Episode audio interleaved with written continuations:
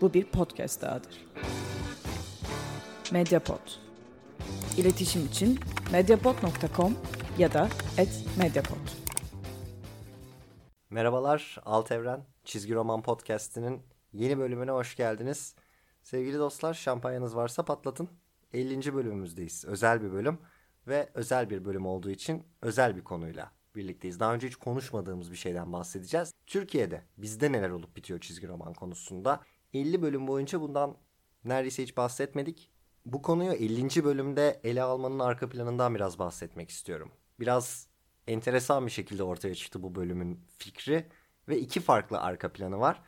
Önce böyle bir bölüm yapma fikrinden biraz bahsedeyim. Daha sonra enteresan bir duyurum var. Böyle bir ilginç ikinci arka planı var.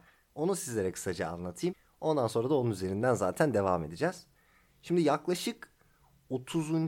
bölüm 25-30. bölüm civarında Türkçe yani yerli çizgi romanlarla ilgili bazı bölüm fikirleri vardı kafamda. Bunları yapmayı düşünüyordum. Bu bölümleri koymayı düşünüyordum. Hatta size işin perde arkasından bir sır vereyim. Bazı bölümleri kaydettim önceden.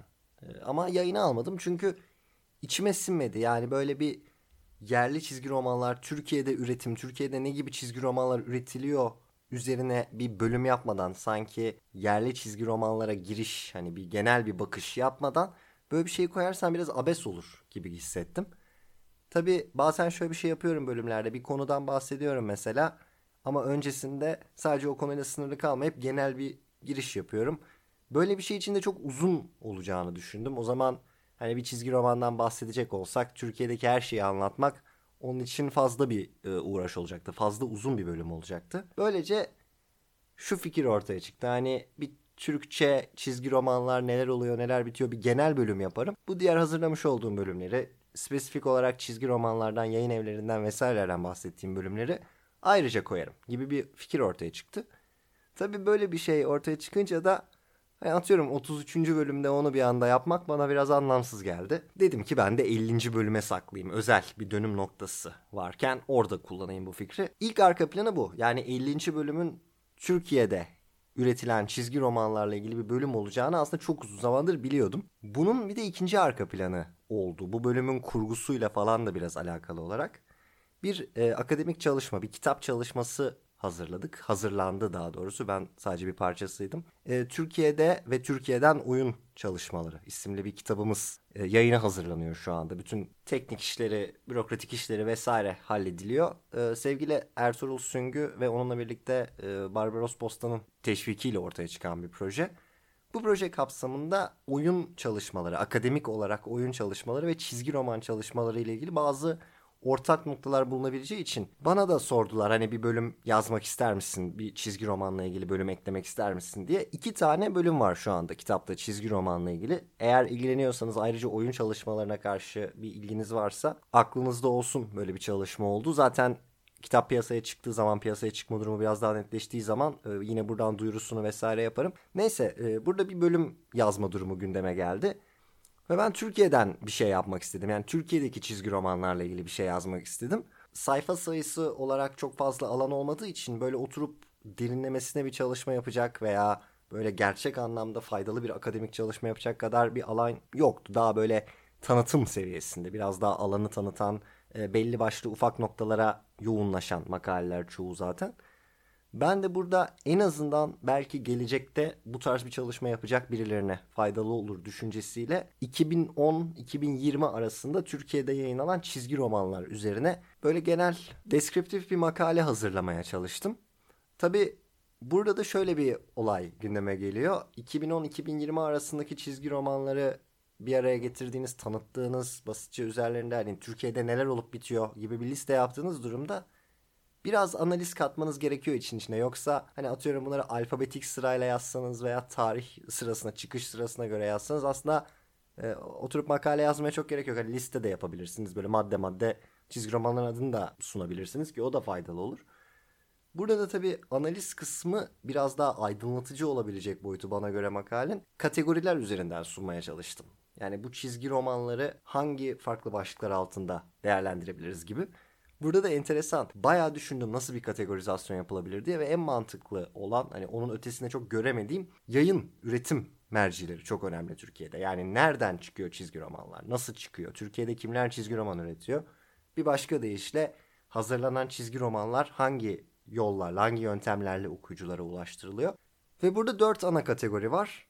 İşte az önce bahsettiğim Türkiye'de üretilen çizgi romanlarla ilgili spesifik olarak konuşmaya başlamadan bir giriş yapmak gerekiyor. Dediğim şey de bu olacak bu bölümde. Bu dört kategori üzerinden gitmeye çalışacağım. Şimdi tabii bu makaleler yazmış olduğumuz kitap için akademik makaleler. Benim de akademik konularda kategori işine şöyle bir yaklaşımım var. Herhangi bir konuyu incelerken kategorisiz kalmayacaksınız. Yani kategorileriniz olacak bileceksiniz. Kategoriler ayıracaksınız. Ama kategoriye de çok inanmayacaksınız. Çünkü belli bir kategorizasyon olduğu zaman bir şeyleri açıklamak veya anlamak çok daha kolay hale geliyor.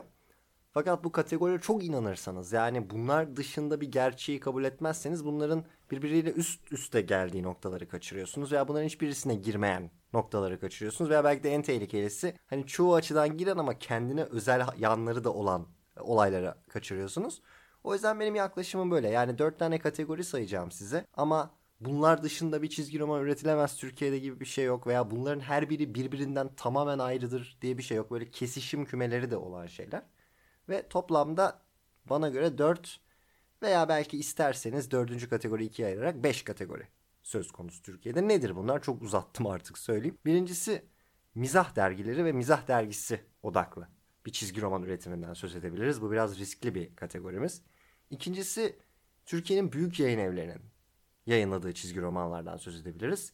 Üçüncüsü çizgi roman odaklı yayın evlerinin yayınladığı çizgi romanlardan bahsedebiliriz ve son olarak bağımsız çizgi romanlar. Yani herhangi bir yayın evine bağlı olmadan yaratıcıları tarafından kendi imkanlarıyla yayınlanan, bu şekilde çoğaltılan, paylaşılan belki fanzin gibi vesaire. Dördüncü ve son bir kategoriden bahsedebiliriz. 4 ve 5 diyorum çünkü internet de burada artık işin içine girmiş durumda. Web comics dediğimiz önemli bir kavram var. Bunlar ama biraz üst üste geliyor. Yani ortada herhangi bir yayıncı olmadıktan sonra ister internetten yayınlayın ister basıp yayınlayın çok bir şey fark etmiyor aslında. O yüzden 4 veya 5 tane böyle kategorimiz var. Bunları biraz açmak istiyorum. Bu bölümü tabii çok uzatmak gibi bir niyetim yok. Çünkü uzun ve karmaşık bir konu aslında ama birkaç örnekle üzerinden gidebiliriz. İlk kategori dediğim gibi mizah odaklı bir çizgi roman üretimi. Türkiye'de çok sayıda mizah dergisi var. İşte Uykusuz Penguen vesaire gibi dergilerle şu anda özdeşleştirebileceğimiz. Ve bunun çok ciddi bir öncesi var tabii. 1980'lere 90'lara baktığınızda da inanılmaz bir üretim var orada. Ve burada bir çizgi roman üretiminden de söz ediliyor çok sık. Bu bence enteresan bir konu. Türkiye'de çizgi roman üretimine baktığınız zaman özellikle işi akademik olarak incelediğinizde bence ilk yapılması gereken şey şu soruyu cevaplamak. Mizah dergileri çizgi roman kavramı içinde değerlendiriliyor mu? Tabii buna böyle evrensel bir cevap vermeye gerek yok. Yani burada çıkan her şey çizgi romandır veya şu şu şu çizgi romandır, şu şu şu değildir gibi kapsayıcı bir yaklaşıma gerek yok. Ama en azından yapılan çalışma içinde işte ben bu makalede bunları çizgi roman olarak kabul ediyorum veya ben bu makalede bunları ayrı bir kültür olarak değerlendiriyorum gibi bir giriş yapmak önemli. Bu alanda çizgi roman üretimini benim öne çıkartmamın sebeplerinden bir tanesi bunların tabii kitap formatında da yayınlanıyor olması daha sonra ve az önce bahsettiğim şey hemen ilk kategoride karşımıza çıkıyor burada. E, iki farklı merci arasındaki kesişimler. Örneğin şu anda baktığınız zaman normalde mizah dergileriyle ve bu kültürle özdeşleştirdiğimiz bir sürü sanatçının eseri Marmara Çizgi tarafından yani çizgi roman odaklı yayın evi, üçüncü kategori olarak değerlendirdiğimiz bir yayın evi tarafından düzenli olarak neredeyse basılıyor. Bunun içinde e, Kenan Yarar gibi, İlman Ertem gibi, e, Ergün Gündüz gibi, Emre Ablak gibi, Ersin Karabulut gibi pek çok sanatçının işleri var. Aynı zamanda mesela Kötü Kedi Şerafettin şimdi tekrar buradan yayınlanıyor vesaire. İlk üretim merceği özetle bu şekilde. Türkiye'de çizgi roman üretiminden bahsettiğimiz zaman bu mizah dergisi gerçeğini bir dile getirmek zorundayız. Burada ben şu açıdan da çok önemli görüyorum. Çok fazla dediğim gibi uzatmayacağım kategorileri ama bu mizah dergileri ve çizgi roman konusunda Türkiye'de bence şu çok önemli bir ayrım yaratıyor. Şimdi diyelim ben podcast'i yapıyorum. Herhangi bir bölüm yapıyorum. Başka bir şeyden bahsediyorum ve bir noktada işte Türkiye'de çok güçlü bir çizgi roman kültürü olmadığı için falan gibi bir cümleye başladım. Böyle bir şey söylesem siz dinlerken herhalde buna çok fazla tepki vermezsiniz diye tahmin ediyorum. Yani Türkiye'de çok güçlü bir çizgi roman kültürü olmadığını, çok güçlü bir çizgi roman üretimi olmadığını hepimiz kabul ederiz az çok diye tahmin ediyorum. Fakat işin içine bu mizah dergilerini ve burada üretilen içeriği dahil etmeye başladığınız zaman o zaman işin şekli biraz değişmeye başlıyor. O zaman çünkü çok önemli ve değerli bir külliyatı da çizgi roman kapsamına getirmiş oluyorsunuz ve böyle bir yargıya ulaşmak epey zorlaşıyor. O yüzden dediğim gibi çok fazla uzatmıyorum ama ilk kategori bu şekilde. İkinci kategori büyük yayın evleri. Yani Türkiye'de aslında yayın evi olarak genel anlamda kitap basan şirketlerin çizgi romana bir anlamda el atması durumu. Burada ilginç bir durum var. Buradaki örnekleri sayabiliriz çünkü sayıları çok fazla değil. İletişim yayınları ve Kara Karga yayınları aslında bu kategori altında biraz değerlendirilebiliyor. Kara Karga tabi baktığınız zaman kendi içinde bir yayın evi gibi gözüküyor ama destek yayınlarına ait bir kuruluş aslında. Bu iki yayın evi dikkat çekiyor. Burada benim için en enteresan olan noktalardan bir tanesi şu. Normalde büyük yayın evleri dediğiniz zaman işin biraz daha kurumsal bir boyutta olmasını beklersiniz. Yani bunlar Türkiye'de çizgi roman yayınlamaya giriştiği zaman bunun kurumsal bir karar olarak bu yayın evlerinden bekleyeceğiniz tarzda bir karar olmasını beklersiniz ve bireysel etkilerin çok üst düzeyde olmamasını beklersiniz. En azından atıyorum mesela bir Amerika'da olsa bu olay öyle olacağını tahmin ederiz. Fakat Türkiye'de durum bu değil. Türkiye'de büyük yayın evlerinin çizgi roman işine girmesi aslında çok bireysel çabalarla olan bir durum. İletişim yayınları tarafında Levent Cantek var. Çok önemli bir isim. İletişimin yayınladığı son dönem çizgi romanlara baktığınızda zaten çoğunun Levent Cantek imzasıyla yayınlandığını görüyorsunuz. Duman Kara, Emanet Şehir, Uzak Şehir, 1951 onlar Levent Cantek tarafından yazılmış yerli çizgi romanlar. Öte yandan bir de onun editörlüğünü yaptığı eserler var. Bunun içinde de belki de Türkiye'de bugüne kadar yayınlanması en çok ses getiren çizgi roman İlban Ertem'in Puslu Kıtalar Atlası. İhsan Oktayanar'ın romanının uyarlaması. Daha sonra bunun içinde e, Gozo ve Sagre gibi örnekler var. Biraz daha güncel örnekler yine iletişim yayınlarından çıkan ki aslında bahsetmek istediğim podcastlerden bir tanesi de bahsetmek istediğim çizgi romanlardan bir tanesi de o. Dolayısıyla böyle bir bireysel etki görüyorsunuz. İlginç bir şey aslında. Kurumsal olmasını bekleyeceğiniz şey yine bireyler tarafından itilerek biraz götürülüyor. Kara Karga'da da Levent Cantekin yerine Lukan Perker var tabi. Dünya çapında tanınmış bir çizer ve onun etkisiyle pek çok çizgi roman yayınlanıyor. Kara Karga'dan da çıkan enteresan çizgi romanlar var. Sitede incelemesi olanlardan mesela Tuş hemen aklıma geliyor. E, Tatavla hikayeleri var yine son dönemde yayınlanmış olan. Kutlukan Perker'in kendi çizgi romanları var ve aynı zamanda yine Marmara Çizgi gibi aslında mizah dergisi kökenli bazı eserlerin e, yayınlandığını da görebilirsiniz burada. Bu da ikinci boyutu Türkiye'de çizgi roman üretiminin.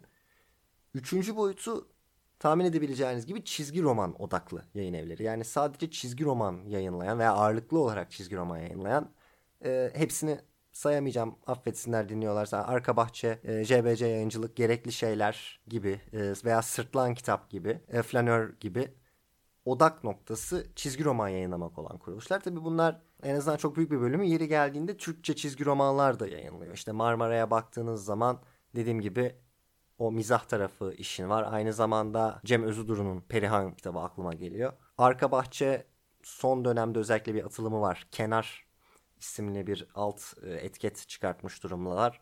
Kenar etiketiyle birlikte Kebe'nin gölgesinde fenomen gibi sadece Türkiye'den çizgi romanlara yer verdikleri bir alt yayın oluşturmuş durumdalar. Bunun öncesinde İstanbul Odyssey var mesela. Sırtlan kitap burada mutlaka bahsedilmesi gereken bir yayın evi. Hem çizgi romanın zaten genel olarak biraz daha niş, biraz daha sanatsal, entelektüel eserleriyle ilgilenen bir yayın evi. Türkiye'de de enteresan işler yapıyorlar. En önemli eser tabii Şehzade Yangını. Selçuk Ören'in şu anda 4 cildi çıkan bir eser. Yine o da daha sonra bahsetmek istediğim çizgi romanlar arasında bir bölüm olarak ayrıca değerlendirmek istediğim bir kitap. Bunun dışında bir süre fasikül formatında Türkçe dergiler yayınlama girişimleri oldu. Vamp ve e, Kasap gibi. E, Prestij çizgi romanın mesela Kısas diye bir çizgi romanı şu an çıkıyor aklıma geldikçe söylüyorum örnekleri dediğim gibi daha böyle tamamlanmış ve komple bir liste zaten makalenin amacı orada e, yayınlandığı zaman okuma şansınız olur. E, onun dışında Zahiri mesela bir çizgi roman dükkanı olarak bu işe başladı. 2019'da Karanlık İstila çizgi romanı var son dönemde basılan.